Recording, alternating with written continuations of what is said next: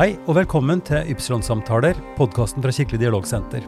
Navnet mitt er Ivar Flaten, og i denne episode nummer 126 får du bli med til et eh, seminar om lokal religionsdialog i Danmark. Nærmere bestemt i Veile. Det var arrangert av Hederslev bispedømme i samarbeid med Folkekirke og religionsmøte, og fant sted i Løget kirke- og menighetssenter i Veile. I denne episoden presenterer jeg utdrag fra presentasjonen i seminaret. Språket er dansk, eh, og vi har jo publisert episoder på engelsk her i podkasten, og nå er det på tide med et internasjonalt perspektiv igjen. Så da håper jeg at du stiller om ørene dine og får med deg det meste. Vi starter med en liten samtale med Mikael Markussen, som var en av initiativtakerne til seminaret. Vi sitter på biblioteket i Kolling sentrum, og det er dagen etter et flott seminar. Jeg sitter med Mikael Markussen, som inviterte meg hit til, til Kolding. Hvad var det vi gjorde i går? Jamen i går havde vi inviteret øh, migrantpræsterne fra hele Haderslev Stift, de syv øh, provstier, og deres øh, internationale udvalg. Det er sådan, at der i hver af provstierne er nedsat et internationalt udvalg, som skal bakke op om det, migrantpræsterne laver. Og derudover så havde vi inviteret øh, lokale samarbejdspartnere fra boligforeninger og kommunen, for eksempel integrationsmedarbejdere eller øh, folk, som arbejder med beskæftigelse. Og øh, temaet i går var den øh, lokale religionsdialog. Mm-hmm. Øh, fordi vi rundt omkring i de forskellige provstier øh, har øh, forskellige måder at arbejde med religionsdialog. Nogle steder kalder vi det integrationsråd, andre steder kalder vi det multikulturelt forum, andre steder kalder vi det forum for tro og liv. Og, øh, og vi vil gerne have noget øh, inspiration til det her arbejde. Og øh, derfor så øh, vi inviteret dig, øh, Iver, øh, ned for at fortælle om øh, de mange forskellige øh, religionsdialogtiltag, som I har i, øh, i Drammen. Mm. Og derudover så havde vi inviteret øh, stadsarkitekt Nils Højbjerg fra øh, Aarhus Kommune, som øh, er involveret i øh, noget, der hedder Fredens Hus mm. i, øh, i Gellerup. Mm. Og der er han sammen med den lokale øh, sovnepræst øh, Niels Hvid mm. og øh, en øh, lokal imam, som hedder øh, Carlet. Øhm, og øh, jamen, dagen begyndte jo med, øh, med dit øh, indlæg. Ja. Øh, Mikael, lad os, uh, lad os høre lidt, hvad, hvad din erfaring er her lokalt. For du har jobbet her som sognepræst i, i mange år i, i Kolding, som faktisk også er Drammens venskapsby. Yeah. men, men hvad vil du si karakteriserer dit arbejde innenfor det internationale? For du har en liten delstilling som også som international præst, eller hvad, ja. hvad dere kalder det? Ja, jamen det er rigtigt. Jeg har jo øh, øh, 30 procent af min tid skal gå med at være dels være international præst for en øh, menighed, hvor sproget er engelsk, og øh, hvor vi samler folk fra et øh, altså et område med en 30-40 km radius øh, og en 30-40 nationaliteter. Det ene spor i vores arbejde der er øh, internationalt kirkeliv.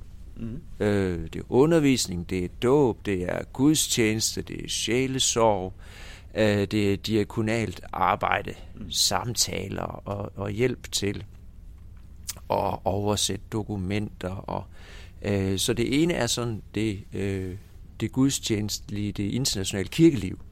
Det andet spor er det, som vi kalder det tværkulturelle arbejde, mm. som er sprogcafé. Altså, vi har en sprogcafé hver uge med 15-20 undervisere og et sted mellem 30 og 50 øh, studerende, som kommer hver uge og, øh, og får undervisning i det danske sprog. Vi har kvinder møder kvinder, almindelig kvindearbejde. Øh, vi har øh, øh, foredragsaftener, vi har vi har alt muligt i det tværkulturelle spor, og der har vi så også det, vi kalder for religionsdialogen. Mm-hmm. Øhm, et spor der er øh, et projekt, som hedder øh, Tro møder tro, mm. hvor jeg er ude sammen med en imam, øh, og øh, han var med i går mm. også, øh, Qasem Rashid, som er imam øh, i øh, Flensborg, lige syd for grænsen, men holder til i Åben Rå.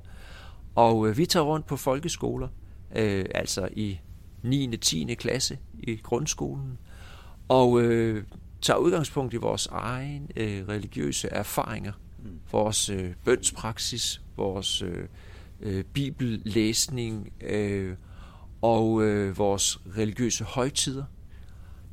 Og derud af, når vi fortæller om, hvor vi hver især, hvordan vi, hvordan vi praktiserer vores liv, kommer der så en dialog og en samtale med eleverne. Mm. Og, øh, og mange oplever for første gang, at en præst og en imam mm. står side om side mm. og kan være uenige om væsentlige ting, mm. og samtidig smile til hinanden og grine med hinanden. Øh, og øh, ja, så, så det er et, et arbejde, som vi, som vi hele tiden udvikler på. Mm. Øh. Eh, jeg har også lyst til at du kan kommentere på det som nu er helt nytt, nemlig at det er skrevet ut nyvalg i Danmark, og at, eh, at den, skal vi si, den generelle diskursen da, i Danmark også i de siste år har blitt mer skal vi si, streng eller, eller negativ til, mm. til innvandring, til uh, det multikulturelle. Mm. Um, og jeg vet også at du personlig har hatt erfaringer med mm. sterke tilbakeslag pga. Uh, reportasjer i, i fjernsyn og, og pga skal vi si et angrep mot dialogpartneren din. Men eh, kunne ikke du også si litt om hvordan du oppfatter det? Hvilken retning går, går den eh, på en måte diskursen i Danmark nå? Jamen det er jo rigtigt, vi fik udskrevet valg for to dage siden. Og øh, i modsætning til de tidligere valg, så er der er ikke ret mange andre end Dansk Folkeparti, vores øh, konservative øh, parti, som, som ønsker at tale øh, debat. Det har jo ellers tidligere været store debatemner i forbindelse med valg. Men som jeg ser det, så, er vi, øh, så har vi strammet så meget og den siddende regering, den socialdemokratiske regering, har, har strammet retorikken og, øh, og udlændingelovgivning og deres forslag til øh, udlændingelovgivningen øh, er, er, er desværre øh, i desværre havnet et sted, hvor, hvor den måde, vi øh, taler om indvandrere på, og den måde, vi øh, ja, øh, jamen i det hele taget, den måde, den måde, vi taler om indvandrere på, er blevet for mig at se øh, fremmedfjendsk. Øh, og, og det er blevet sådan helt øh, almindeligt at gøre det på den måde. Og det er faktisk det uhyggelige, at det som for bare fem år siden var nærmest utænkeligt at, at, at skulle høre fra en et, et, de store partier, og det er dem alle sammen. Mm. Det er nu blevet almindeligt. Og det er som om, vi næsten sådan er blevet helt resistente over for et, et, et menneskesyn, hvor, hvor et, et hvert menneske øh, er, øh, har retten i sig selv til at, og, øh, at være her. Øh, vi hænger stadigvæk rigtig meget i og øh, første og anden og tredje generations indvandrere, og vi, vi, øh, vi trænger øh, ja, vi trænger til at, at, at vågne op i forhold til, hvor meget ondt vi gør mm. de mennesker, som er her med en anden øh, etnisk religiøs baggrund. Uh, og, og derfor så blir det interessant for meg også når jeg hører og ser uh, både alt det imponerende arbeidet som ble gjort, bl.a.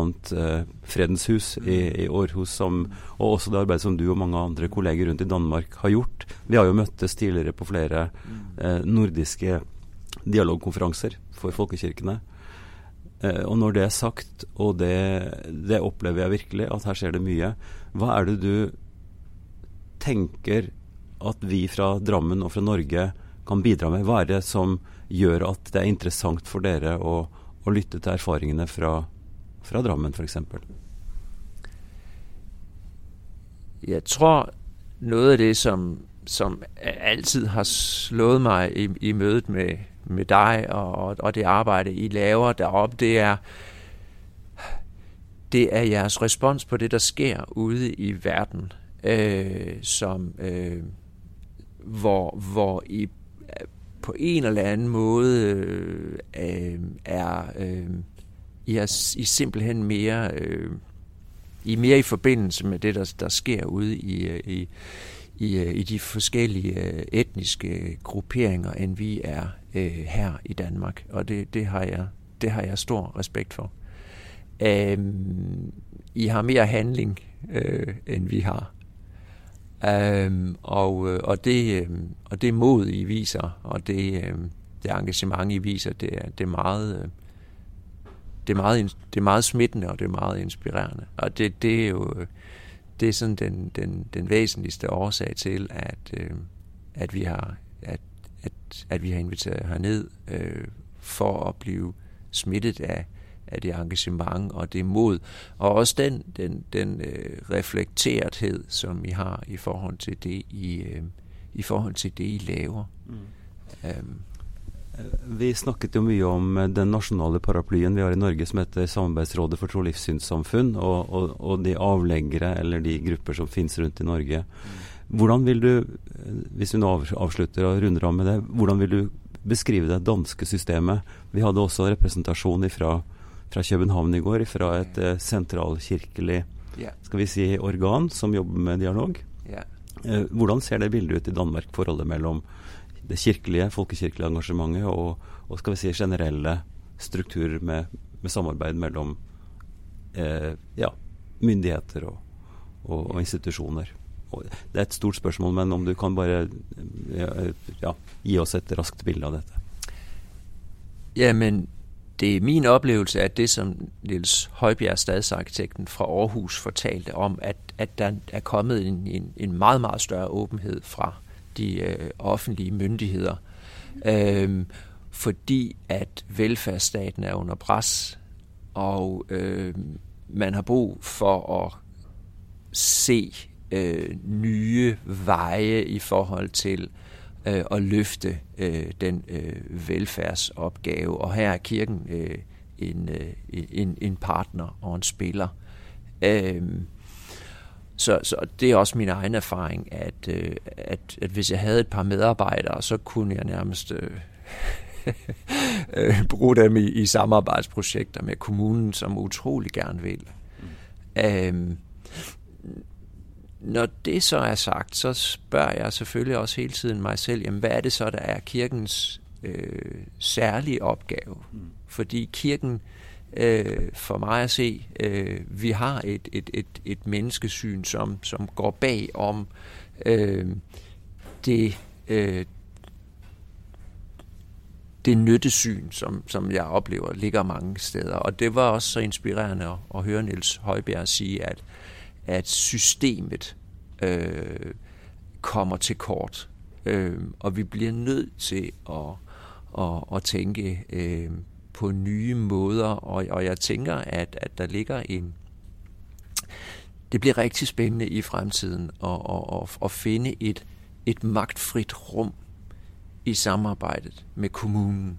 For kommunen er så stor, og de har så mange ressourcer, og de har en, de har en tendens til at tænke i system og i nytte og socialøkonomiske virksomheder med, med tryk på økonomi.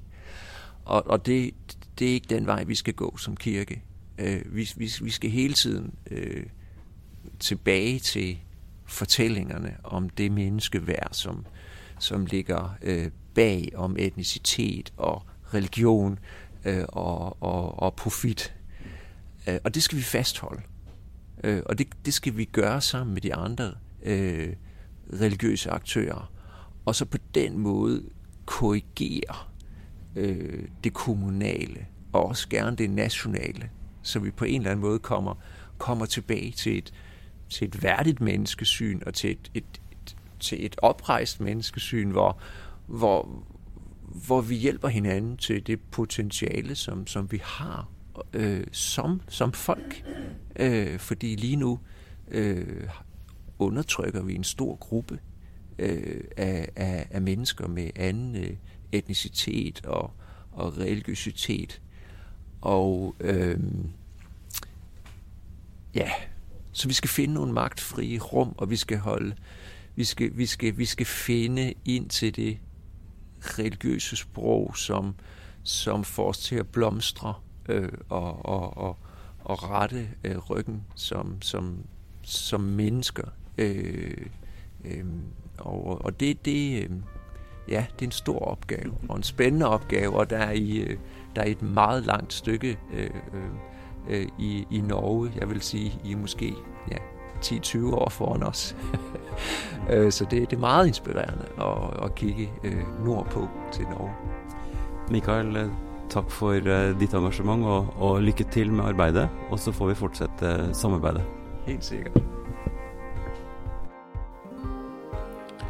Vi går så tilbake til selve seminaret og en presentasjon av uh, Nils Høibjerg sitt, sitt foredrag, der han som rådmann, eller som statsdirektør i Århus, eh, forteller om de kjempestore spenningene som oppsto mellom kommunen og befolkninga i Gellerup. Konflikten hadde utspring i eh, det politiske vedtaket om å rive store deler av boligmassen for å unngå såkalte gettotilstander, og at politikerne løp fra sitt vedtak om tomt til moské. Et svært dialog- og muslimkritisk TV-program på samme tida gjorde heller ikke situasjonen stort bedre. Dere får henge med på språket. Eh, han snakka fra, fra videolink, så lyden er ikke den helt bedste. Det er godt. Det jeg tænkt mig, det var i og for sig at fortælle øh, to historier, eller to forløb, som er, har været min relation til så både samarbejde med Folkekirken og baggrunden for den religionsdialog, der nu er blevet kan man sige, nærmest institutionaliseret, eller forsøges institutionaliseret i, i Fredens Hus. Og den ene historie, det er jo historien som statsdirektør. Altså, hvordan øh, jeg synes, vi som Aarhus Kommune over årene har samarbejdet med, med Folkekirkens mange initiativer, og hvordan det er blevet, hvordan det er blevet rammesat. Øh, jeg tror, hvis man sådan skal tegne en linje over tid, så tror jeg, at hvad skal man sige, berøringsangsten fra begge sider, den, øh, den er stadig mindre. Så jeg sige det på den der jyske måde. Berøringsangsten er stadig mindre.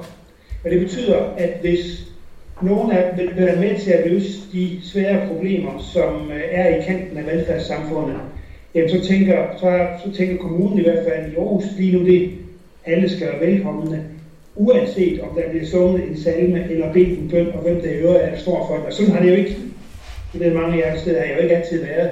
Hvis der pludselig var noget religiøst indblandet, så var det ikke noget, som velfærdsstaten skulle, skulle gå i clinch med medmindre det var sådan helt, øh, helt faste aftaler med nogle af de kirkelige organisationer.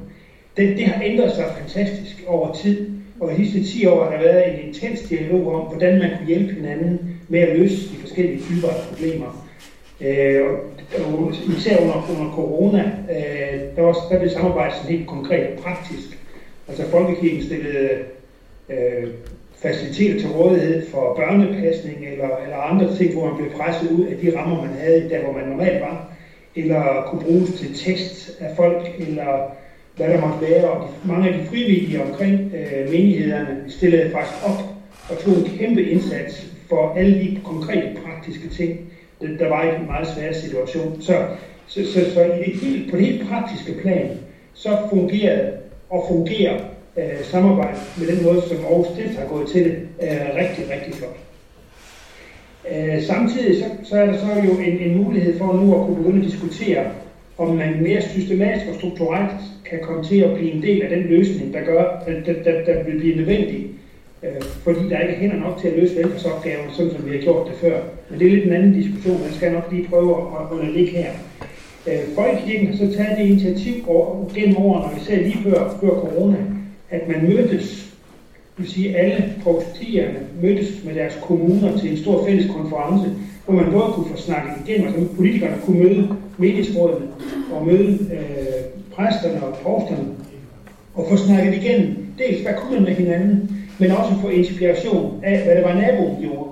Fordi meget af det sådan, at øh, der sker ikke ret meget uden det ikke menighedsrådet det der, der sker slet ikke noget, hvis ikke provstiet vil være med, øh, fordi det er der pengene i, i folkekirken er. Så, øh, så det at få en fælles tilgang til det over for ens kommune og, og provstiudvalgene, det, det er jo afgørende for, at der også kommer penge i spil til det fælles samspil. Så, så langt, så godt. Der har været et fint, et fint samspil, og jeg synes, udviklingen har været positiv hele vejen igen, og der kommer brug for, at der kommer endnu flere øh, samarbejdsprojekter fremover, hvis man skal undgå nogle af de velfærdstab, som problemerne med rekruttering kommer til at give. Så er der en eller anden historie, og det er jo den, øh, som Niels har faktisk øh, også repræsenterer, fordi Niels har vel om nogen, hvis vi er siddende i jeres midte, har vel om nogen været den person, der har kunnet fastholde i alle stormvær øh, dialogen på tværs af, af religioner og på tværs af de skæld, der. Historien i Aarhus Kommune er omkring øh, religionsdialogen er dramatisk. Den er dramatisk på den øh, person, at, øh, at byrådet har ønsket jo at gøre rigtig meget fysisk for at ændre virkeligheden i den største, i det største udsatte byområde i Aarhus, altså Gellerup. Inden den her proces begyndte, havde en andel af folk med en anden etnisk baggrund end, øh, end øh, jysk på øh, cirka 85. Øh, det fattigste område i Danmark, når man kigger på gennemsnitsindtægt, og med udfordringer på, øh, på kriminalitet og på, på øh, social kontrol. Det der sker, som I, som I for, for jeg alle sammen har været vidne til, det var de der TV2-udsendelser, hvor man i en række af de større byer kunne, øh, kunne afsløre eller kunne vise parallelsamfund, der, der fungerede som noget, der reelt var en kontramagt til, til dansk både retsforståelse og til dansk øh, socialvæsen. Det førte til, til, øh, til forholdsvis store, store rystelser i, øh, i Aarhus. Byrådet løb fra en aftale, man var ved at lave med de uh, øh, muslimske menigheder om at etablere en, uh, en moské. Uh, så der, var, der, var, der opstod rigtig meget mistillid i den, i den proces, fordi den blev afbrudt midt i det hele på grund af de opgør, der kom omkring parallelsamfund. Og så, og så som I ved, så kom der også i forlængelse af det en, øh, en lov i Folketinget, så den genpakke, der gjorde, at andel, antallet af, an, af almindelige boliger i en række udsatte byområder skulle reduceres. Jeg tror, nogle af jer, der kommer fra, fra kommuner og sidder her i rummet nu, har faktisk haft tilsvarende udfordringer. Øh, men der skulle ske en reduktion, hvor man skulle gå fra noget, der næsten var 100 til, øh, til 30, og nu ender det formentlig på omkring 40. Så den der udfordring med at skulle til at begynde at, dels ikke at have en dialog om, omkring øh, måske byggeri, det at øh, være i kamp med parallelsamfund og samtidig skulle rive halvdelen af husene ned stort set, som er i det område, hvor, hvor, øh, hvor de her mennesker boede, øh, gjorde reelt, at al kommunikation mellem etablerede muslimske menigheder og deres interesser øh, og kommunen brød helt sammen. Der var ingen dialog, og der var ingen tillid.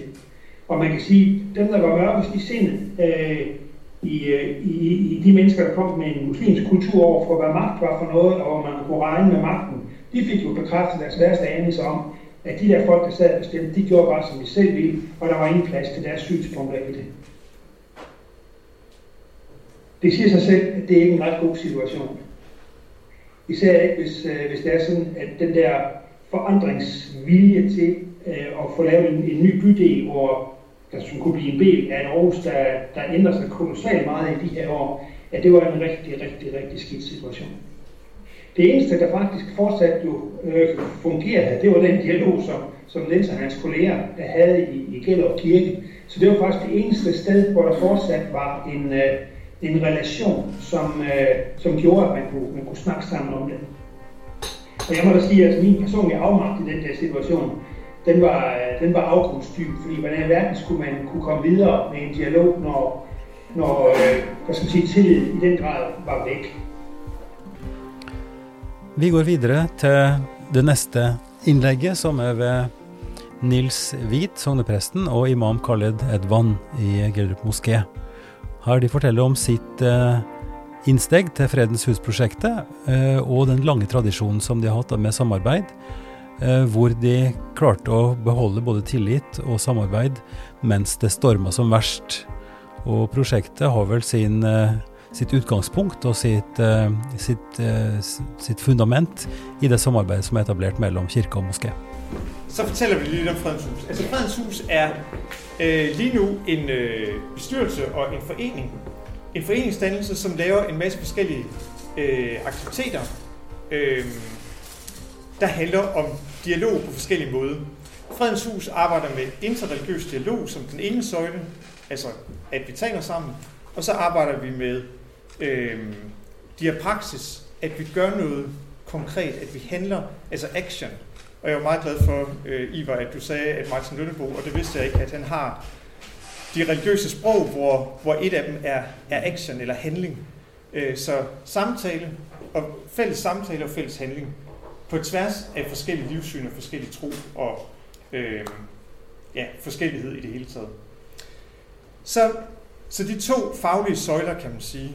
Og så tre lag i huset, hvor det underste lag er et, øh, et folkeligt lag, hvor vi gerne vil indbyde ganske almindelige borgere i Gellerup i vores øh, moskéens menighed og kirkens menighed og alle mulige andre borgere ud i et, et altså i Aarhus i det hele taget, til at være med i samtalen, være med ved øh, dialogaftener, panelsamtaler, øh, forskellige events, som vi laver, øh, trosdialoggrupper. Ja. Et folkeligt lag, hvor man bare kan komme og være med.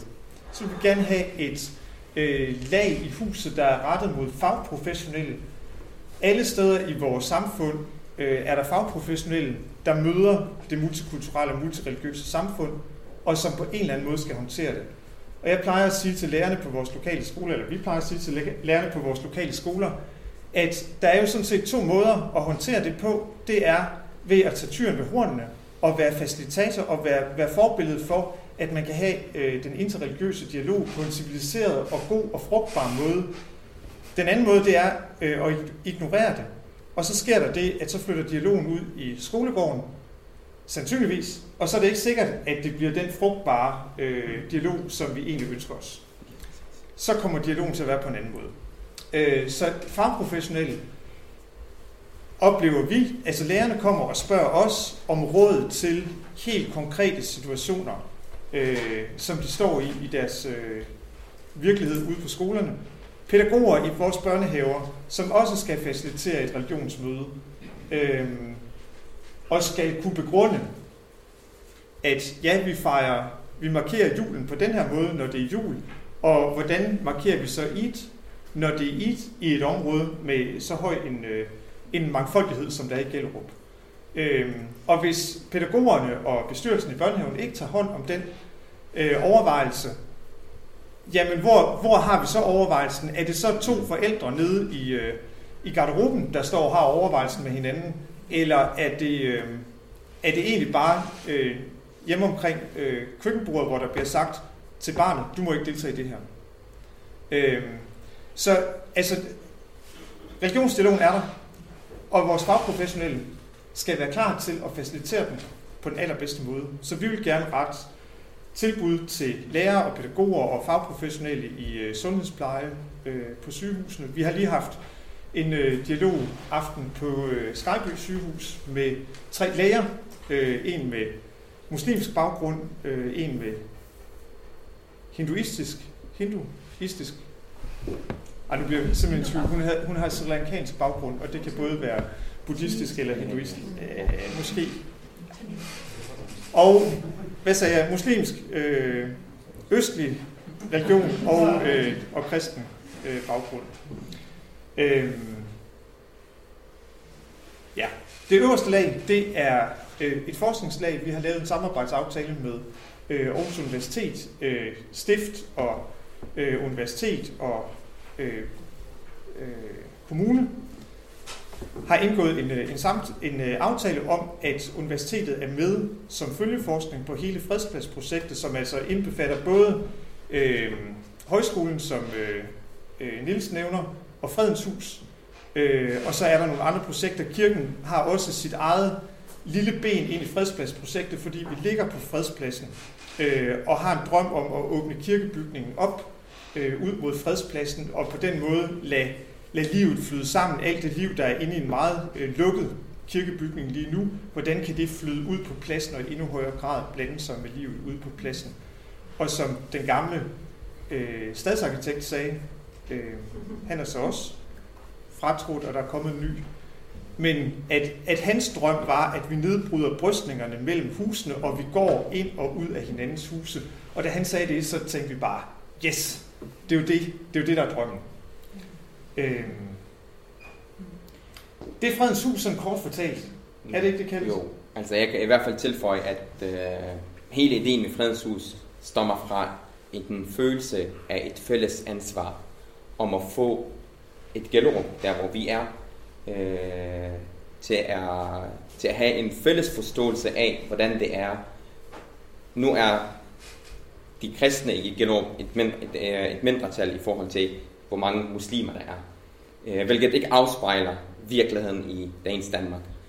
Øh, og derfor er det vigtigt for muslimerne i Gellerup at have en forståelse af, at trods, vor, trods vores forskellighed, så har vi et fælles ansvar om at bygge en fælles forståelse af, hvad menneskelivet og hvilket, hvilket liv, med menneskelivets forståelse vi som borgere i Aarhus øh, skal have, og hvordan vi sammen skal interagere som værende forskellige. Fordi det er, det er en kendskærning for alle, at uanset hvor meget jeg prøver at forsøge, jeg er nærmest født i Danmark, øh, fået min gymnasielle uddannelse og min folkeskole og mit universitetsuddannelse på danske folkeskoler og gymnasier, universitetet på Aarhus Universitet, alligevel møder jeg en gang imellem nogen, der ikke vil, ikke vil se mig som dansker. Øh, og uanset hvor meget de forsøger og prøver, så når det ingen vegne, fordi uanset hvor meget de prøver, så ved jeg inderst inde, hvad jeg føler og hvem jeg er. Og den følelse, jeg altid har haft, den vil jeg gerne viderebringe til folk i området, og igennem fredens hus, øh, igennem, igennem de tre faser, som Niels snakkede om, videresende det budskab til resten af Aarhus, og dermed også resten af Danmark. Så trods vores forskelligheder, trods vores øh, syn på livet og på religion, så er der et genskærning, der hedder, vi bor og lever sammen. Og det skal vi have lov til at være. Og derfor er det rigtig vigtigt, at dialog øh, bliver udbredt, og bliver udbredt på den rigtige måde. For at undgå, at folk øh, på skolegården, eller børn på skolegården, øh, eller forældrene på, det, på, på, på, på garderoben skal tage de diskussioner, hvor folk er faglige folk, fagfolk kan stå og have de, øh, det, tale det sprog, så de kan viderebringe budskabet videre til resten af befolkningen. Og simpelthen, at vi skal have nysgerrige og tillidsfulde relationer til hinanden på tværs af på tværs af forskellighed. Altså, vi skal opbygge det her samfund sammen. Yes. Og vores børn skal opbygge det her samfund sammen med hinanden i tillidsfulde relationer. Og med nysgerrighed, og det er ikke sådan en nyfin nysgerrighed, hvor man skal stille grænseoverskridende spørgsmål, men det er selvfølgelig en empatisk nysgerrighed, hvor vi altså med, med venskab og kendskab som fundament, kan spørge interesseret ind til, hvorfor, eller hvordan ser du på livet, eller hvad bekymrer du dig om i dit liv, eller øh, hvad er der på agendaen gennem jeres familie lige nu? Ja. Altså Højberg, han snakkede, han, uh, Niels Højberg, han, da han snakkede i hans uh, fine tale, der nævnte han også noget med tillid. Uh, og det er faktisk en af de de fokuspunkter, som jeg havde i den tale ja, på 10 minutter, som jeg skulle holde over for jer i dag. Først og fremmest tusind tak, fordi jeg måtte deltage og være med her. Er, du, du har 10 minutter nu. Er det, ikke din, er det ikke dine 10 minutter nu? Det, det, det er fint med mig. Det kan vi godt. Og så, så kommer mine ja, 10 minutter bag. det kan vi godt se. har jeg brugt mine? Nej, nej, det har du ikke. Det har du ikke. Øh, ja, altså jeg, tænkte, jeg, jeg, jeg sad faktisk og tænkte over, hvordan kan det være at Fredens Moské, der hvor jeg kommer fra, og Gellerup Kirke har haft så tæt et samarbejde gennem så mange år, at vi er nået så vidt, at vi har begyndt at øh, skabe nogle fysiske rammer til en fredens hus. Øh, og mit svar var rigtig enkelt øh, egentlig. Det er, at vi har tillid til hinanden. Og det er det, vi altid har haft. Øh, for mit vedkommende er det faktisk ret nyt, at jeg er inde i dialogarbejdet ja, sammen med, øh, altså, som, som en part i Fredens Moské og Gellerup Kirken. Øh, dialog, den er faktisk så mange år tilbage, at jeg var et lille barn. Tilbage til, det må være 15, 16, 17 år siden, hvor vores imam, øh, Radvan Mansour, øh, havde et tæt dialog og samarbejde med Gellerup Kirke. Og det har, det har bare været frugt i rigtig mange år. Øh, de havde forståelse for hinanden, vi havde respekt for hinanden. Så sker der det, at øh, en dag, der bliver der stillet et spørgsmålstegn på øh, vores agenda, som måske, eller som muslimer i Danmark. Øh, ved hjælp af TV2, øh, dokumentaren, som vi alle kender til, som har sat en stopper for det tætte fællesskab og samarbejde, som vores måske har haft til Gellerup Kirke, nærpoliti, kommunen, alle der er rundt omkring os. Og det, der gjorde rigtig ondt på os, var et enkelt spørgsmål. Kan det virkelig passe, at når vi har været så åbne og så gennemsigtige, og har haft så tæt et samarbejde med både kommunen, nærpolitiet og alle der rundt omkring os, at der virkelig er stillet et spørgsmålstegn for vores agenda. Det gjorde rigtig ondt på, de, på den ældre generation, som har knoklet. Øh, altså jeg kan huske en gang, at en af vores imamer sagde til øh, formanden for nær, nærpolitiet, altså øh, den øverste i nærpolitiet, han sagde til ham, når du får fri klokken 4, så tager du hjem til din familie og nyder din aftensmad. Jeg er på arbejde i Gellerup frivilligt 24-7. Jeg tager ansvar. Jeg har et felt, jeg føler et ansvar for, at mit område, at folk i vores område skal have det godt. Så mit arbejde slutter ikke. Så trods det fik de et kæmpe skub tilbage, som gjorde, at der er rigtig mange af de ældre, som tog afstand og tænkte, jamen, hvem kan vi, hvem kan vi stole på? Hvem kan vi tro på? Kan vi virkelig være, øh, kan det virkelig være så nemt at frakaste sig alt det arbejde, som vi har brugt rigtig mange år på? Så det hele stoppede. Indtil at jeg tænkte, at de er jo ikke alle, der har det på den måde. Vi har haft et rigtig tæt, tæt øh, dialog med Gellerup Kirke, og det skal der fortsætte. Og det er netop tilliden, der er skabt mellem, ja, nu i det, det eksempel, Niels og jeg, der har gjort, at vi stoler på hinanden blindt. Jeg har tillid til det agenda, Niels kommer med, og Niels har tillid til den agenda, jeg kommer med. Vi har ikke noget skjult bag det, vi gør. Og netop den tillid, det er den, der har styrket vores forhold, og har gjort, at vi kunne tage skridtet i samarbejde med Aarhus Kommune, eller i samarbejde med Dan Mission og øh, Fredens Moské og, øh, og Gallup Kirke, til at tænke lidt længere, og lidt længere i fremtiden og sige, jamen hvorfor kan vi, når, når, nu, nu hvor vi har haft det så godt i så mange år, hvorfor kan vi ikke afspejle det her til resten af samfundet? Og der er rigtig mange, der stiller det religiøse sprog, spørgsmålet om det religiøse sprog. Og i princippet så handler det faktisk ikke så meget om religion. Det handler overhovedet ikke om religion. Når jeg sidder som med Niels, så sidder jeg ikke som imam, som sidder med en præst. Jeg sidder med Niels som en, som en ven, som en jeg bor, som en nabo, som en jeg bor, der bor sammen med mig, der er en, der bor tæt på mig, en som min, mit barn og hans barn eventuelt kunne gå i skole eller børnehave sammen. Vi bor sammen. Vi lever sammen. Og det, kan vi, det kommer vi ikke til at komme udenom. Og det styrker faktisk det, det danske samfund, at der findes så mange forskelligheder blandt folk, og det vil, det vil styrke det endnu bedre og endnu mere, hvis folk kunne have forståelse for, at trods vores forskellighed, så kan vi stadig have det godt sammen. Så det religiøse spørgsmål handler ikke om, om religion. Det handler mere om en forståelse for, at vi kan godt enes og være venner, trods vores forskelligheder. Og forskelligheden starter op måske nogle steder i religion. Og det er derfor, at der bliver altid stillet spørgsmål om det religiøse sprog. Og måske er de forskelle, som vi har indbyrdes, de kommer måske også fra, at vi har forskellige religioner.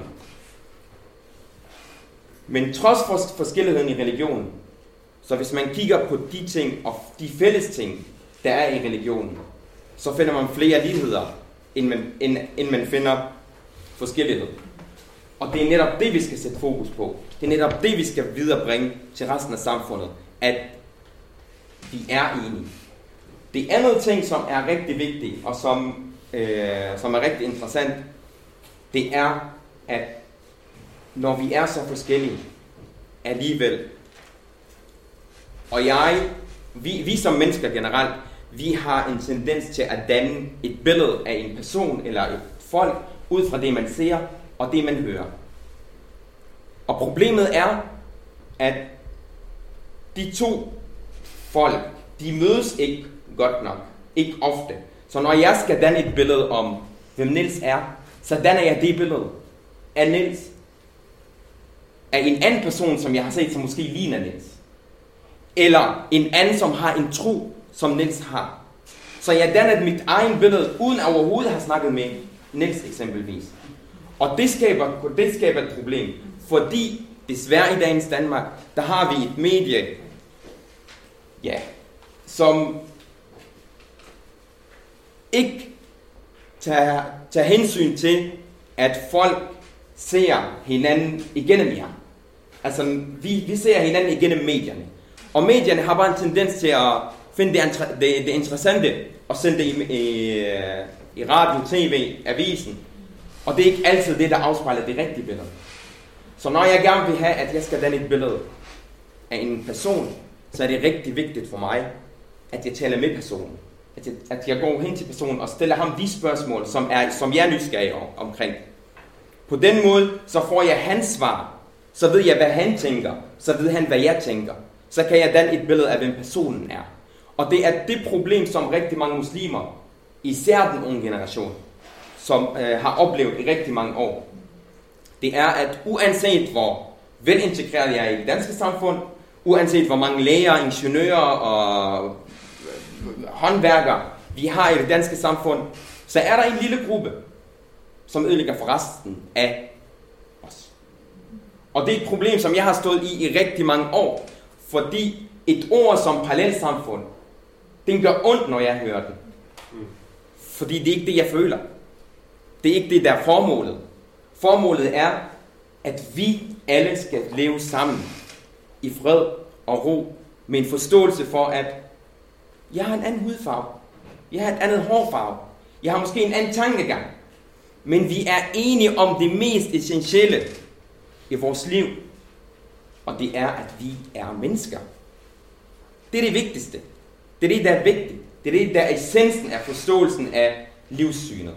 Det er, hvordan lever jeg som menneske med et andet menneske, trods for, at vi måske ikke er 100% enige om alt. Og der er ingen mennesker i verden, der kan være fuldstændig enige om alt. Selv en to brødre, som er født af samme far og samme mor, er forskellige. Og netop religion, politik og sport, der kan man bare aldrig blive enig. Det skal man bare indse. Der bliver man aldrig enig. Men her er det rigtig vigtigt at forstå, at trods vores uenighed, så har vi en respekt for, at vi er uenige. Vi har en respekt for, at vi er forskellige. Og på den måde, når vi arbejder og fortsætter med at arbejde på den måde, så kan vi have et bånd, der gør, at vi kan samarbejde om tingene. Og netop den samarbejde gør, at vi føler et fællesskab omkring det, vi gør. Og det er det, vi gerne vil brede ud i Fredens Hus, fordi både vi selv og andre rundt omkring os har set vores arbejde som værende noget, som man kan drage fordel af, og derfor er det rigtig vigtigt for os, at det bliver bredt ud til resten af Danmark. Etter denne presentasjonen av eh, prosjektet Fredens hus går vi tilbake igjen til Nils Høibjerg, som eh, da forteller om hvor håpløs konflikten med befolkningen i Gellerup var. Hvor fastlåst det var, eh, og hvordan en da forsøkte å arbeide seg fram til en måte som kunne skape et nytt grunnlag for samtale. Gruppa som da begynte å jobbe med Fredens hus-prosjektet, prøvde å beskrive et maktfritt religiøst språk, slik han eh, omtaler det. Det vi så gjorde jo øh, med, med Niels hjælp og med, med nogle øh, behjertede folk, som skal møde en af dem øh, lige om lidt, det var jo at gå snakke om, hvordan, hvordan kan man så få dialogen. Altså, ned omkring kirken bliver der lavet dialogforer, og jeg kan lige fortælle mere om, om forsamlingshuset og alle de forskellige dialoger, der har været. Men på den, på den, på den overordnede bane øh, fik vi etableret en kontakt mellem øh, stiftets ledelse og, og undertegnede og nogle initiativsager til at lave en højskole i området. Og vi begyndte så at prøve at kigge på, hvordan kunne vi, hvordan kunne vi genetablere en platform, der ikke havde magten i sig, men vi tror faktisk, vi synes meget næsten poetisk formulerede det, at vi skulle prøve at lade det religiøse sprog være broen i et magtfrit rum. Altså prøve at få skabt nogle rammer, som kunne være tillokkende for alle, men samtidig ikke var afhængig af kommunens beslutninger, men øh, var noget, som blev afgjort af dem, der gerne ville være i dialog. Og det er faktisk, som jeg synes, helt skært det til, til benet, så er det grundtanken i det, der så blev til Fredens Hus, som i dag er en, øh, er en forening, der forsøger at få fysiske rammer til at få de her ting, der har fysiske rammer, nu forsøger også langsigtet at få fysiske rammer til det. Og jeg er rigtig glad for også i dag, efter at jeg er fratrådt som, som statsdirektør, at kunne få lov til at være med i det arbejde som medlem af, af bestyrelsen. Så det der, det, der har været, det, der har været læringen der, det er, at, at, øh, at, det, at man skal passe på ikke, ikke at falde i, uh, falde i konflikterne, men prøve at respektere, at der hvor det virkelig betyder noget, det, det tror jeg er min erfaring, jeg skal videregive give råd til jer, der både sidder på den ene og på den anden side af, af, af kirke og, og, og det offentlige.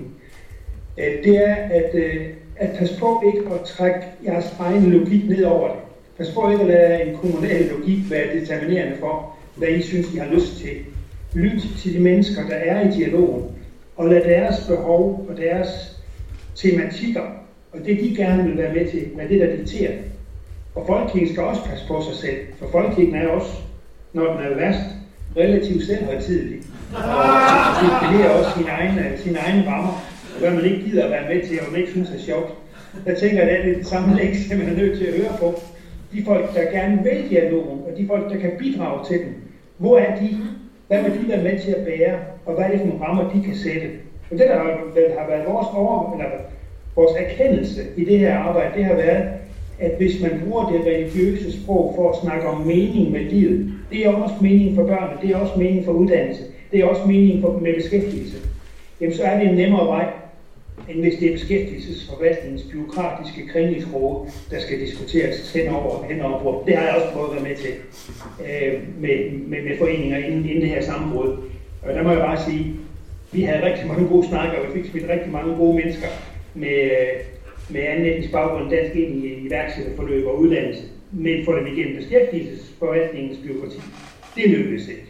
Og det lykkedes heller ikke at få skabt en formidling, der gjorde, at man kunne få de her, selv ikke med, med bidrag fra, fra de foreninger, der repræsenterede de etniske minoriteter, lykkedes det ikke at få en nemmere vej for de mennesker, der ikke så godt ville arbejde, men havde rigtig svært ved at få fat.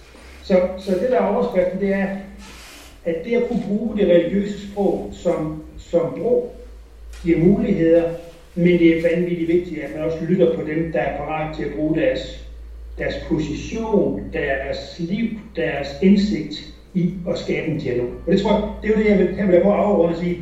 Det ser rigtig fint ud på, på den måde, som kommunen øh, og stiftet øh, prøver at finde samarbejdsprojekter. Øh, Men der, hvor det virkelig gør ondt, og hvor det betyder noget, der må vi ned og få fat, finde fat i nye elementer og nye måder at arbejde på, for det for alvor, for vi for alvor, kan man sige, kunne understøtte det arbejde, som, som Folkeforeningen allerede havde i gang. Etter Nils Høibjergs innledning Eh, var det åpna for spørsmål. og Her kommer et par av spørsmålene. Først ved meg sjøl, Ivar Flaten, og så et spørsmål fra Nils Wied. Takk for ditt eh, meget interessante innlegg, som også reflekterer mye av det som vi opplever i Norge og i Drammen. Du setter opp en, eh, skal vi si, en konflikt, eller en erfart spenning mellom byråkrati, kommunal administration administrasjon og trossamfunn, eller de tros eh, som du nevner, spesielt av de muslimske. Syns det er veldig interessant fordi eh, når du i så stor grad understreker det religiøse språk, den religiøse kommunikasjon, altså det å snakke sammen med et annet, du sier poetisk, nærmest, språk, så vil det kunne komme forbi, overvinne de byråkratiske krinkelkroker, som du uttrykker det. Da vil jeg spørre hva vil du si er forskjellen mellom et religiøst språk, altså en religiøs måte å forholde seg til verden på, og det språk som er utviklet gjennom menneskerettighetserklæringer og en felles forståelse av et felles menneskeverd. Grunnen til at jeg spør, det er at en muslimsk eh, leder i Norge skrev en doktoravhandling, eller et notat, hvor erfaringen fra religiøs dialog, det språket som blir brukt, i stor grad reflekterer det menneskerettighets, altså menneskerettighetsbegreper eh, mer enn spesifikt teologiske begreper. Hva vil du si er styrken i det religiøse i forhold til det allment menneskerettighets... Eh, eh, eller det språk som er uttrykt i menneskerettighetserklæringer osv. Det er mulig at dette er for subtilt, jeg vet ikke. Men dette, dette har betydning fordi man har, også kan ha en fare for å romantisere det religiøse språket. Og vi vet jo at det er så teologiske og, og religiøse motsetninger også internt i de enkelte forsamlinger. Så hva er det som er det overbyggende religiøse språket da? Kan man stille det spørsmålet? Takk. Det er, det er du meget velkommen til.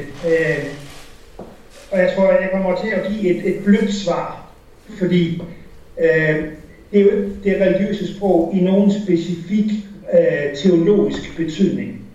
Det er det religiøse sprog forstået på den måde, at der skal være et rum, hvor man kan tale om meningen med livet, meningen med døden, meningen med vores børns liv, meningen med fællesskaberne, og meningen med at kunne tage fælles ansvar i en, du må godt kalde det en demokratisk ramme, men et sted, hvor der er plads til, til mange synspunkter. Det er ikke et, det er ikke et eskatologisk eller teologisk begreb om det religiøse sprog, men det er begrebet om livets mening frem for systemets betydning, samt frem for lovens betydning, frem for magtens betydning. Så det er den bløde forstand, at man starter et andet sted.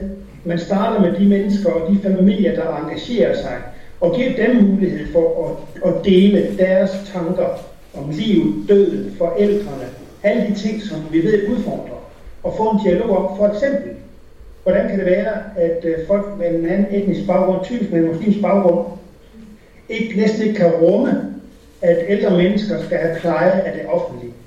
Det er en skam over familien. I det nordvestlige af København har man for at prøve at hjælpe de ældre indvandrere bygget et helt nyt friplejehjem. I det friplejehjem, det er fyldt med, med ældre mennesker. Der er ikke én eneste ikke-etnisk dansker på det plejehjem. Selvom hele området er beboet af, af indbyggere med ikke et dansk etnisk baggrund. Så de der dialoger om, hvordan tager vi os af hinanden, hvordan er det, man øh, fællesskabet hjælper med at få ting til at fungere, det står ikke i menneskerettigheder. Det er ikke menneskerettighedssprog, det er ikke konventionssprog, det er et menneskeligt sprog. Og så har vi så brugt at kalde det det religiøse sprog, fordi det er meningen med livet. Øh, og det er ikke, hvad skal man sige, en, teolo- en teologisk, ja, eller en teologisk diskussion. Jeg kan huske, for ikke ret siden, der havde vi i bestyrelsen i Fredens Hus øh, besluttet, at vi ville prøve at sætte os selv og have dialog om, om andre ting, end det at få Fredens Hus til at fungere.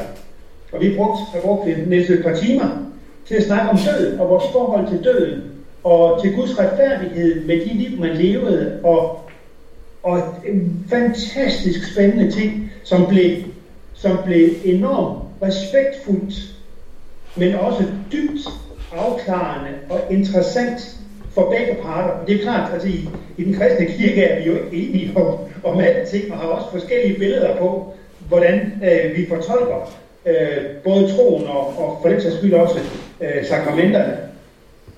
Så, så den der diskussion om, hvor, hvor langt man kunne komme i at forstå hinandens virkelighed, ud fra en helt grundlæggende diskussion om dødens betingelser og dødens vilkår, synes jeg var en, en, en oplevelse, som gør, at mit svar på dit spørgsmål er, at det religiøse sprog betyder, det betyder sproget om meningen med livet og døden og fællesskabet og kærligheden mellem mennesker.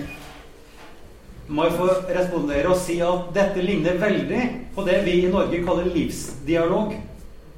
Altså man sitter rundt bordet og deler sin Eh, erfaring eller holdning eller, eller tanke om døden, om et hvilket som helst tema. som man kunne kanskje si også eksistensiell dialog for å komme hverandre nærmere mer enn det dogmatiske, spesifikke teologiske grunnlaget. Jeg syns det Altså, jeg, jeg, jeg, tror, jeg tror, at grunden til, at vi, valgte at, i vores lille arbejdsgruppe i starten af at bruge, kalde det religiøse sprog, det var for at komme så langt væk fra den konflikt, der var omkring magten som muligt. Jeg tror, hvis vi, hvis vi havde været i, i fredstid, så kunne vi måske også have fundet på at bruge ordet livsdialog.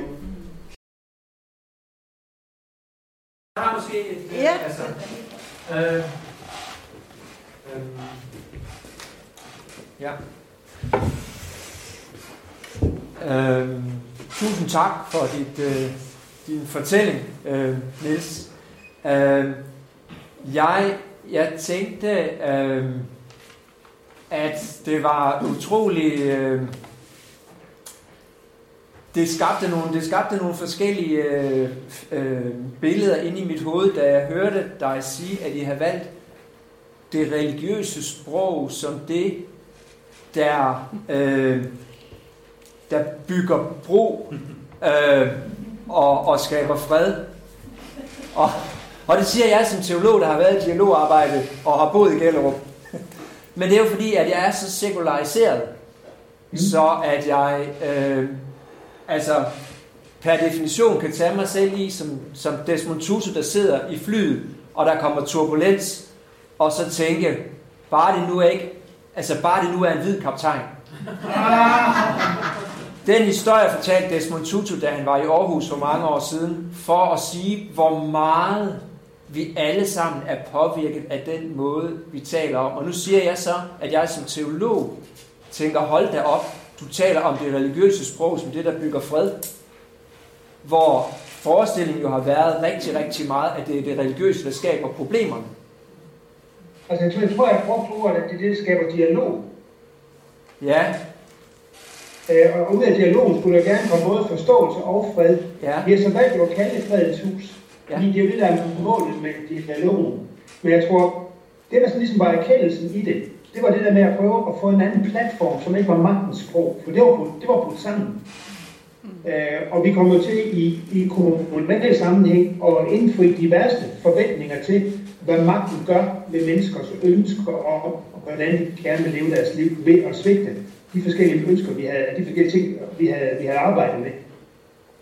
Jamen, så prøver at lade mig, så, så prøver jeg at lade mig stille et spørgsmål på en anden måde. Det er meget kort. Hvordan tog man imod det i det kommunale system i Aarhus, at det var nogen, som sagde, det magtfrie rum kan faciliteres igennem det religiøse sprog? Jo, men, men altså man kan sige, det er jo lykkedes os at få skabt den der institution, Fredens Hus. Og det, der foregår lige nu omkring Gellup Kirke, omkring de bygninger, der ligger øh, ved Gellup Kirke, der er der sådan en, øh, der er der vel sådan en, øh, hvad skal man sige, en, øh, en træenighed, også hvis man kan bruge det ord, øh, der, der, der arbejder for at skabe de fysiske rammer, om for at det kan lade sig gøre. Det er Folkekirken, og Folkekirkens samarbejdspartnere, der laver ting, som ikke er i, det, i magtrummet. Det, det er Fredens Hus, der forsøger at, at skabe en særlig dialogplatform. Øh, og så er det højskolen, der forsøger at, at træne unge mennesker i tænkning og i dialog. Og jeg tror stadigvæk, vi der arbejder med det nu, vi tror stadigvæk på, at der kommer en meget interessant løsning på de fysiske ting, så der kommer fysiske rammer for både Folkekirkens udadvendte arbejde, for, for højskolens arbejde og for Fredens Husets arbejde. Øh, sådan så, at man ligesom kan sige, at her bliver der skabt en, øh, en en virkelighed, hvor det ikke var kommunens magt, der bestemte, men det var andre logikker, der bestemte. Og Det, det er der faktisk blevet taget rigtig pænt imod. Øh, det har jeg haft mulighed for at kunne skabe rammer for, mens jeg stadig var statsdirektør. Øh, og det kan jeg stadigvæk tænke jeg også nu, et halvt år efter, at jeg ikke længere er øh, så, så man kan sige, det, det kommer formentlig til at manifestere sig som en, en ramme, som man kan fylde ud, og ikke fordi, at alle i byrådet skal sige halleluja, det er jo nok dejligt, at de snakker om det religiøse sprog som dialogplatform. Det har byrådet ikke forholdt sig til. De har forholdt sig til, om det giver mening at have nogen, der arbejder intensivt for at skabe en dialogplatform og få integreret især de talentfulde unge muslimske øh, i, en, øh, i, i, det fælles, i det fælles samfundsbyggeri, så at sige. Og det synes jeg faktisk skal lykkes. At- Men det hænger sammen med den bevægelse, som hun også har været i, som går meget på at gå væk, altså simpelthen vende perspektivet fra systemtænkning til individet, altså til borgertænkning. Altså man kan sige, i stedet for at arbejde på systemets præmisser, så snakke om, om at lave velfærd livspræmisser. Og, og lytte meget mere til, hvad er det borgeren vil, uanset hvem borgeren er og hvor borgerne er.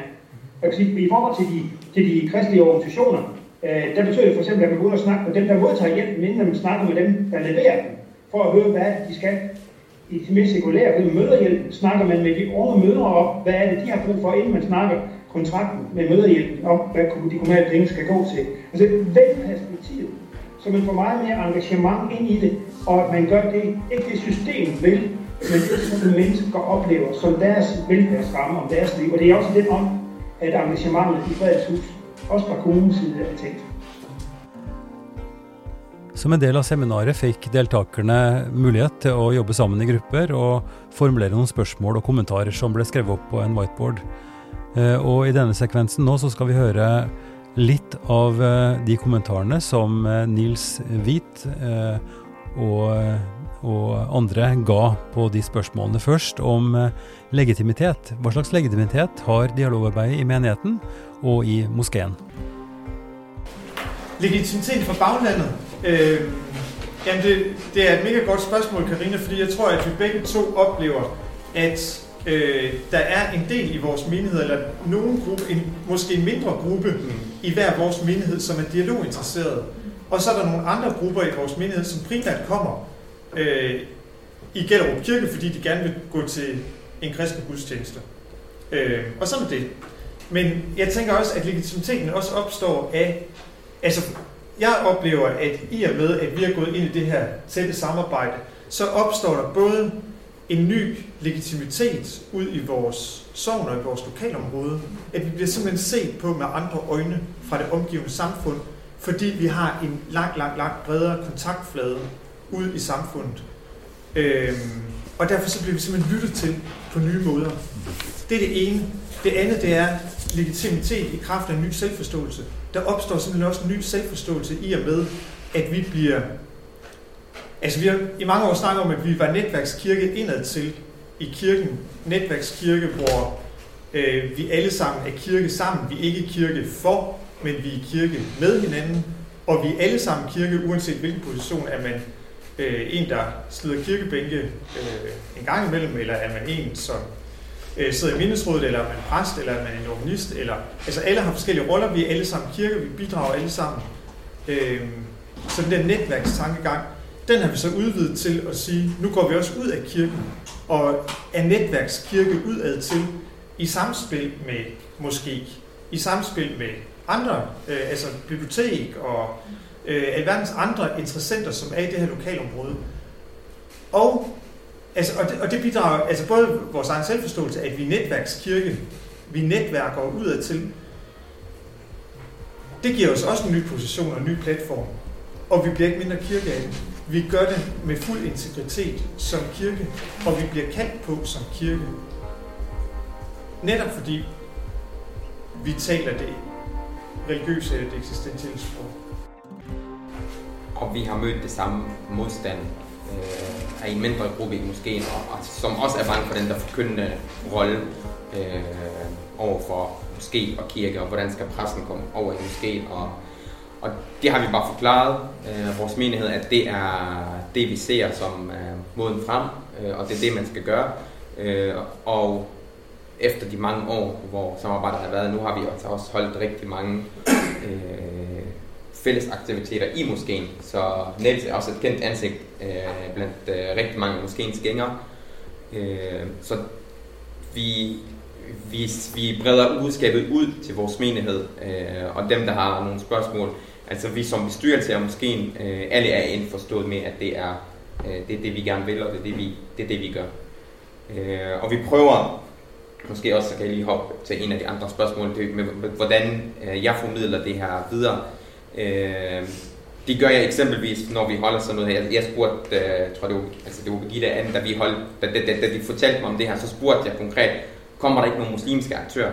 Øh, og så sagde hun, at, der, at Imam Qasim han kommer, de har også prøvet at få fat i Imam øh, Ibrahim, øh, så de også kunne være med i dag. Og de er også på, det er jo det, det er derfor, jeg spørger ind til dem, fordi jeg gerne vil have, at øh, de kan se, at vi har, det, har, det, vi har gjort, arbejdet med i rigtig mange år, har båret frugt. Øh, og det er sådan, vi skal være, så de også kan få noget inspiration. Og jeg ved, der er rigtig mange andre imamer rundt omkring, som også har øh, tæt forhold til øh, deres nabokirker. Øh, jeg har i hvert fald snakket med, præ- med præsten herude, øh, og hun sagde også, at hun har et rigtig tæt forhold til øh, Ibrahim herovre på den anden side. Efter præsentationen sin så fortsatte eh, Khalid og, og Nils å snakke om eh, forskjellige aspekter ved sitt samarbeid, bl.a. Om, eh, om dialogen kontra misjon, hvordan de holder, forholder seg til det fra hver sin kant. Eh, og også noe om hva en kan gjøre sammen i kirka versus moskeen. Vielser, begravelser og gudstjenester, dilemmaer rundt det. Kalle, skal vi lige sige noget der med dialog kontra mission, fordi det kommer hele tiden op Ja. i de her samtaler. Og jeg kan høre det også rundt omkring ved bordene. Og skal vi opvende hinanden? Det er op til dig. Du, altså Kalle, Det er, ikke, Altså, det er, i hvert fald, det er i hvert fald ikke vores formål med vores diskussioner om vende hinanden. Nej. Jeg har i hvert fald flere gange sagt til Niels, og det, er, det, det vil jeg stå ved, ved hver evig eneste gang, jeg bliver stillet det spørgsmål. Jeg vil ønske, at Niels en dag øh, vælger at blive muslim. Og det gør jeg udelukkende, fordi jeg har, jeg elsker net. Jeg har et kærlighed til net. Og når jeg tror på noget, og det er vi sikkert alle enige om, måske er der nogen, der ikke tør at sige det lige så tydeligt, som jeg gør, men når jeg tror på noget, så tror jeg også, at ham, der tror på noget andet, måske ikke tror 100% rigtigt.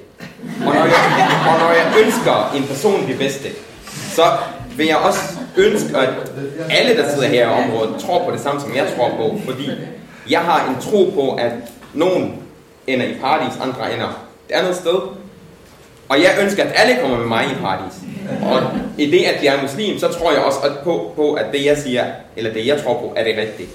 Så det er ikke mit formål Kalle, med Kalle min... jeg, jeg, vil også gerne gå ind i, i, øh, i, I i paradis. Jeg håber også. Ja, det håber jeg også, vi gør. Og, og nogle gange så synes du faktisk, at jeg er lidt for vanlig. Og, og ikke, altså, du, du siger nogle gange det der med, jamen Niels, hvis vi virkelig er venner, og vi går ud den her vej, og pludselig så er der en vej, der går til højre, og så siger du, jamen nu skal jeg den her vej, fordi jeg ved, den fører et godt sted hen. Ja. Og så siger du, jamen Niels, du skal da gøre alt, hvad du kan for at få mig med. Det, det er jo i hvert fald det, jeg ønsker af min ven. At han vil stoppe mig, hvis han kan se, at jeg går den forkerte vej. Er det mission? Det kan du godt kalde. Altså, for det er mig, kærlighed. For mig, altså for mig handler det om kærlighed. Ja, og for mig der er pointen simpelthen i det her, at forskellen er, hvad er det for et punkt, vi snakker fra? Hvis vi snakker fra det kærlige sted, så kan vi sige nogle ting til hinanden, som ville være vildt grænseoverskridende. Hvis vi havde mistillid til, om vi snakkede, om den anden snakkede fra det kærlige sted. Er det magtens sprog, vi taler, hvor jeg ønsker at tage magt over dig og føre dig et sted hen, hvor du ikke vil, øh, og hvor jeg først vil have venskab med dig, når du er blevet ligesom mig. Det er magtens sprog. Nej, det sprog siger vi nej til. Vi ønsker at tale fra det kærlige sted. Nemlig. Og derfor er vi ærlige med hinanden. Og derfor så er der ikke... Og derfor så er der simpelthen ikke øh, for mig at se nogen øh, altså dialog kontra mission. Det er simpelthen for mig ikke. Altså, der er ikke, nogen, der er ikke noget kontra. Nej. Det er det ikke. Fordi altså, vi vidner om, om det, vi tror på, respektfuldt. Vi ønsker ikke at trække noget ned over hovedet på folk. Vi prøver at være sensible med, hvornår skal jeg lige øh, ride mine egne teologiske kæpheste. Øh, og øh, altså, hvis den anden spørger, og, og når vi er i den religiøse samtale, så vil vi gerne være nysgerrige. Altså den, den øh, trosdialoggruppe aften, hvor vi er i den samme trosdialoggruppe, der er en imam mere, der er tre katolikker, og der er en folkekirkekristen mere. Ja. Øh, og der kom der en af de unge muslimer, som, og, han, og han ville forstå korsets mysterium. Og han blev ved med at spørge, og han spurgte en time. Og øh, vi kristne, vi godt nok på en hård opgave. indtil, du, indtil du sådan siger, jamen prøv nu lige at høre, det Niels han prøver at sige, det er. og så kom det så lige en sætning. Det vil jeg gerne høre. Hvad var det? Ja, det var det. Altså ægteskab og ritualer og begravelse, det, altså det er jo simpelthen helt, der, der, der kunne vi holde en dag omkring. Flere dage. Altså, i Fredens Hus, der har vi en sætning med, at vi gerne vil give hinanden lov til at være gæster i hinandens huse og overvære, hvad hinanden gør, når øh, vi beder og holder gudstjeneste. Og være gæster og se på, uden at overskride vores egne grænser. Og det prøver vi at rammesætte meget tydeligt. Prøv at sige, hvad det er, du siger, når, når vi holder møde i moskeen, og der er, og der er bøn. Jamen, så plejer jeg at sige, at vi bliver nødt til at holde en pause, så vi kan få lov til at bede vores bøn. Så dem, der er muslimer, de er velkommen til at bede med. Øh, dem, der ikke er muslimer, de må gerne blive her i lokalet, eller så kan de overveje at sidde om bagved og se på vores bøn i, i mellemtiden. Så folk har mulighed for at gøre det, de har brug for. Øh, se os øh, til vores gudstjeneste øh, i moskeen. Øh, og hvis man ikke har lyst til det, så kan man også bare vælge at blive siddende i mødelokalet. Og tilsvarende så inviterer vi også indimellem øh, vores muslimske venner til at overvære en, krist, en kort kristen gudstjeneste, ikke halvanden time som om søndagen, øh, men måske en halv time eller 20 minutter. En kort gudstjeneste, hvor man er inviteret med som gæst for at se, hvad vi gør. Og vi oplever simpelthen, at det er fordomsnedbrydende. Det, at vi er i hinandens hellige rum og ser, hvad hinanden gør. Øh, med hensyn til, til ægteskab og ritualer og øh, begravelser og sådan noget, der oplever jeg ikke konflikten egentlig imellem trosamfund. Jeg oplever en intern konflikt i mit eget trosamfund, fordi det er svært for mig, når jeg at håndtere som præst, øh, når jeg for eksempel står med en kristen muslimsk familie, som siger, at vi vil gerne sørge sammen. Det er et anlæggende for os at sørge sammen. Øh, så vi ønsker ikke, at de kristne skal gå i kirken og holde deres ritual, og at muslimerne skal gå i moskeen og holde deres ritual. Vi vil gerne. Vi skal sørge sammen over vores, fordi vi har en fælles sorg. Hvis jeg spørger min biskop, så skal jeg holde mig langt væk, fordi der er kun én mulighed, det er at følge ritualbogen. Øh, og, og derfor så spørger jeg ikke min biskop. Øh, altså, vi skal være mennesker sammen, og vi skal sørge sammen. Og, og så er det jo rigtig vigtigt for os, at altså, vi er ikke ude på religionssynkretisme. Det er det ikke religionssammenblanderi. Religionerne står, og vi står i vores egen tro solidt ved siden af hinanden. Jeg tager ingen skal, jeg kan sige en kristen, jeg kan bede en kristen bøn, og øh, holde en kristen begravelsestale med et opstandelsesevangelium i fuld, altså, der går intet af mig ved, at der står en imam bagefter og beder en muslimsk bøn og, øh, og holder en, en kort muslimsk prædiken. At vi står der i hver sin ret ved siden af hinanden. Det var de afsluttende ord. Skal vi ikke øh, give dem en hånd? Anne Kristine Brandt er en av arrangørene. Og hun er generalsekretær i Folkekirke- og religionsmøtet i København. Hun jobber med, med dialog innenfor folkekirken i hele Danmark. Eh, og jeg stilte henne et spørsmål om eh, hva hun syns hun hadde fått ut av eh, denne seminardagen. Anne, la meg spørre deg det samme spørsmålet som jeg nettopp fikk. Du har vært på samme seminar. Ja. Hva er det du opplever nå i, mot slutten? Hva har, vi, hva har vi hørt, og hva tenker du i dag? Jamen, øh, vi startede dagen med at have oplæg fra dig, Ivar, øhm, og, øh, og så i eftermiddag, der har vi hørt øh, fra øh, Aarhus, altså der Gellerup-projektet øh, Fredens Hus især.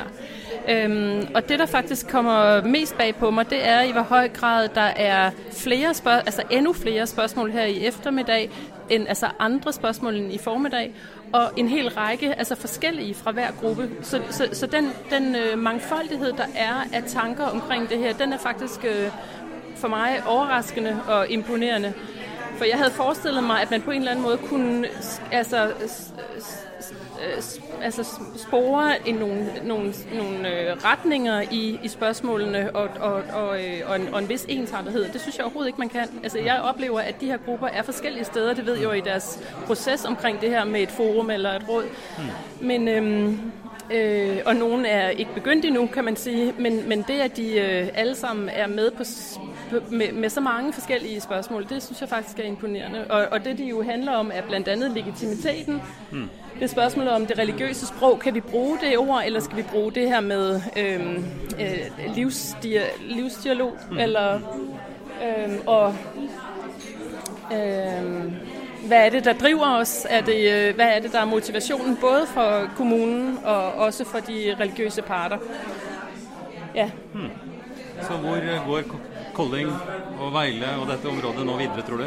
Hva er neste skritt? De snakker om det nå rundt oss.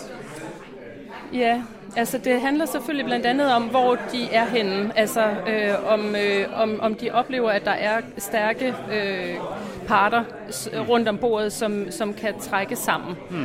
Øh, det er jo en forudsætning. Øh, men jeg tror også, at, at i dag har været med til at lukke op for spørgsmålet om, hvordan det er, vi kommer videre på at, at, at, øh, at være skarpe på, hvad, hvad vi selv skal, og hvad, hvad vi... Øh, altså jeg har i hvert fald følt mig udfordret af øh, det her spørgsmål omkring, er det krise, der skal til for at etablere øh, fællesskab imellem mm. dem, som ikke nødvendigvis ser sig selv som et fællesskab på forhånd. For det, for det er jo faktisk krise man fortæller om fra Aarhus også. Altså hvor et boligområde skulle mm. rives ned. Hvor ja. en lang tillitsperiode mellom moské og kommune, mm. kirke ikke ble brutt, men ja. ble sterkt skadelidende? Ja, både nedrivning af, af, af boligområder, men også en, en meget kritisk øh, afslørende øh, tv-udsendelse. Ja. Og øh, måske, altså ønsket om måske byggeri, så det var sådan set også et spørgsmål om, om, at, ja. om at, at holde måske byggeriet tilbage. Ja. ja. Mm. Men, uh, Men uh, Fredens Hus har uh, holdt kontakten, og de, de, er på et bedre sted nå. Eller de, det virker positivt. Det høres bra ut i Århus, og vi får håpe at, at man også har fått impulser her i området til å fortsette det som også har foregått i mange år. Ja, så tror jeg, det er væsentligt, at de begge to siger, altså både Nils og Karlet fra, fra Aarhus siger, at at det er deres ambition at trække, øh, om ikke alle, så i hvert fald mange ind i dialogen, fordi det tror jeg er vigtigt. Altså, det kan godt være, at der er nogen, der pionerer, men det, det skal være noget, som, som, øh, som, som også øh, giver mening for, for, for mere end, end ledere. Ja. Tak. Mm? Det er veldig hyggelig at du lyttet til Ypsilon-samtalene. Det er nå et stort eh, arkiv. Det er nesten 130 samtaler som eh, er gjort i de tre åra vi har holdt på. De finner du alle sammen på ypsilonsamtaler.no, altså www.ypsilonsamtaler.no. Der finner du en kort film og en liten tekst og en beskrivelse av episodene. Så det anbefaler jeg sterkt at du kikker på. Podkasten er støtta av eh, Einar Juels legat. Den er også støtta av eh, Drammen kommune via IMDi-midler og av Barne- og familiedepartementet. Redaktør og ansvarlig det er undertegnede Ivar Flaten, og meg når du på Ivar krøllalfa ifd.no. Altså Ivar krøllalfa ifd.no. Jeg vil gjerne ha både forslag og innspill til samtaler og, og eh, folk og temaer som vi kan bruke. Med det takker jeg for nå, og så høres vi igjen.